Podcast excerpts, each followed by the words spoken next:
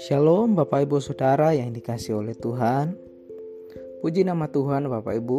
Jika pada pagi hari ini kita masih dapat bangun dengan kekuatan baru yang Tuhan berikan Dan semua sungguh kemurahan Tuhan yang luar biasa.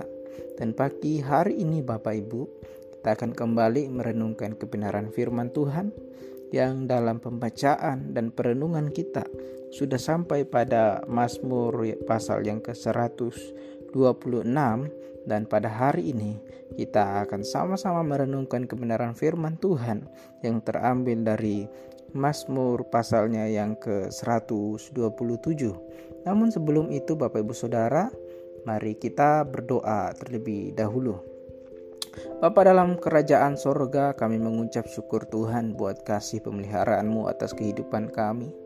Kami datang pada saat ini merendahkan hati kami. Kamu mau belajar, kami mau diisi oleh kebenaran firman-Mu, karena kami percaya di dalam firman-Mu ada kuasa yang menguatkan dan membangun iman setiap kami yang ada. Terpujilah nama Tuhan, biarlah namamu dimuliakan di atas segalanya. Terpujilah nama Tuhan, kami mengucap syukur. Haleluya, haleluya. Amin, amin Bapak Ibu Saudara. Bapak Ibu Saudara, Mazmur pasal 127 ini terdiri dari 5 ayat yang diberi judul oleh LAI Berkat Tuhan Pangkal Selamat. Dan di ayat yang pertama Bapak Ibu dituliskan nyanyian ziarah Salomo. Jikalau bukan Tuhan yang membangun rumah, sia-sialah usaha orang yang membangunnya. Jikalau bukan Tuhan yang mengawal kota, sia-sialah pengawal berjaga-jaga. Menarik Bapak Ibu Saudara, bahwa Mazmur pasal yang ke-127 ini sering kali atau kerap kali diistilahkan sebagai Mazmur keluarga. Dan di ayat pertama kita melihat di sana dikatakan Jikalau bukan Tuhan yang membangun rumah, sia-sialah usaha orang yang membangunnya. Bapak Ibu Saudara, dalam hal ini pemazmur mengandaikan sebuah rumah atau keluarga dengan istilah bangunan. Jadi dengan kata lain Bapak Ibu Saudara, jika di dalam keluarga kita, jika di dalam hubungan kita di dalam keluarga, bukan Tuhan yang menjadi dasar semuanya, maka sia-sialah. Ya, dan kita melihat di bagian selanjutnya dikatakan, jikalau bukan Tuhan yang mengawal kota, sia-sialah pengawal berjaga-jaga. Menarik Bapak Saudara, ayat ini mengingatkan kepada kita bahwa Allah yang berdaulat, Allah menjagai setiap umatnya Sekalipun mungkin orang-orang yang memiliki uang menjaga diri mereka begitu rupa, tetapi ketika saatnya malapetaka itu menimpa mereka, maka itu akan terjadi siapa pun dia dan tidak terkecuali siapa pun kepada orang tersebut. Tetapi kita melihat bahwa jika di dalam keluarga kita ada Tuhan yang menolong kita, ada Tuhan yang memampukan kita dalam setiap pergumulan kita, maka kita dapat melewati semua itu.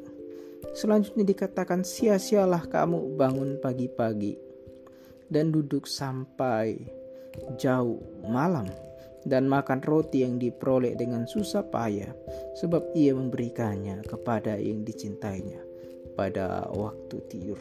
Bapak Ibu, ayat ini tidak mengajarkan kita untuk tidak usah bekerja, tidak Bapak Ibu, tetapi firman ini mengingatkan kepada kita bahwa ada orang yang di luar sana bekerja keras membanting tulang siang sampai malam, malam sampai siang seperti itu, dan terus-menerus seperti itu. Tetapi pada akhirnya, apa yang mereka usahakan itu menjadi sia-sia. Apa yang mereka sudah kumpulkan itu tidak mereka nikmati dan justru dinikmati orang lain.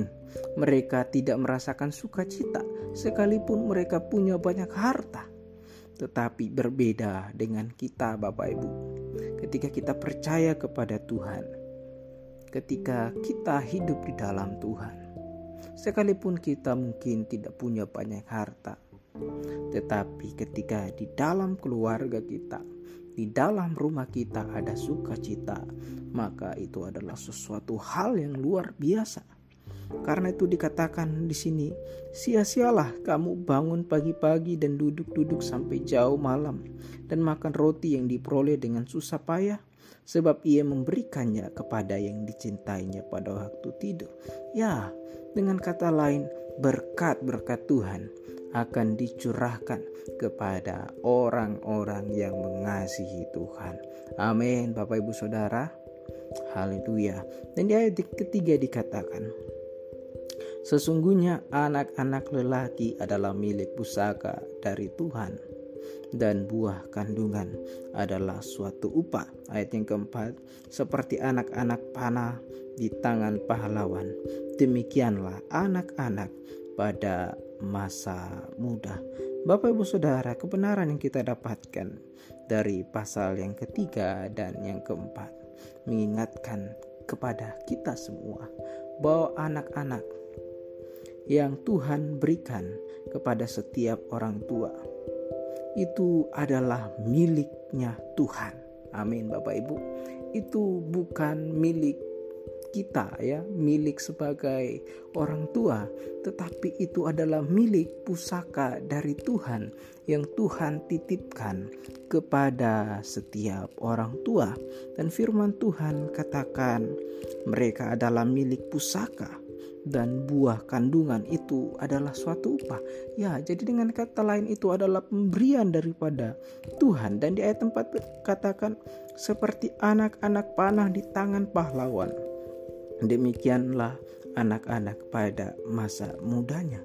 Dengan kata lain Bapak Ibu Saudara, Allah bisa memakai anak-anak menjadi seorang yang luar biasa. Ya, dengan melalui kita perantaraan orang tua yang ada, Tuhan akan menolong dan memampukan sehingga anak-anak yang ada boleh menjadi orang yang luar biasa orang yang diberkati oleh Tuhan. Dan kita melihat di ayat selanjutnya dikatakan berbahagialah orang yang telah membuat penuh tabung panahnya dengan semuanya itu ia tidak akan mendapat malu apabila ia berbicara dengan musuh-musuh di pintu gerbang. Bapak Ibu Saudara, kebenaran yang kita dapatkan di ayat yang kelima mengingatkan kepada kita bahwa jika anak-anak pada masa mudanya, pada masa kecilnya kita arahkan ke hidupnya kepada Tuhan, maka mereka akan disebut dengan orang yang berbahagia. Kenapa? Dikatakan di sini, berbahagialah orang yang telah membuat penuh tabung panahnya dengan semuanya itu ia tidak akan mendapat malu apabila ia berbicara dengan musuh-musuh di pintu gerbang bahwa Allah akan memakai anak-anak muda ataupun anak-anak yang Tuhan titipkan kepada setiap orang yang ada. Tuhan akan membuat mereka menjadi orang yang luar biasa asalkan mereka dibawa kepada Tuhan, mereka menjadi alatnya Tuhan, maka mereka akan menjadi orang-orang yang luar biasa. Sedangkan orang-orang yang tidak membawa anak-anaknya kepada Tuhan, anak-anaknya akan membuat orang tua malu, Bapak Ibu, dan kita bisa melihat itu di dalam kehidupan-kehidupan kita. Kita bisa melihat mungkin di tetangga kiri kanan kita bahwa ada anak-anak yang tidak taat, ada anak-anak yang melawan orang tuanya atau mungkin ada anak-anak yang mempermalukan orang tuanya. Firman Tuhan mengatakan bahwa ketika anak-anak dibawa kepada Tuhan seperti tabung mereka telah diisi penuh, maka dia akan menjadi orang yang luar biasa, tidak akan mempermalukan nama baik keluarga, terlebih nama baik Tuhan.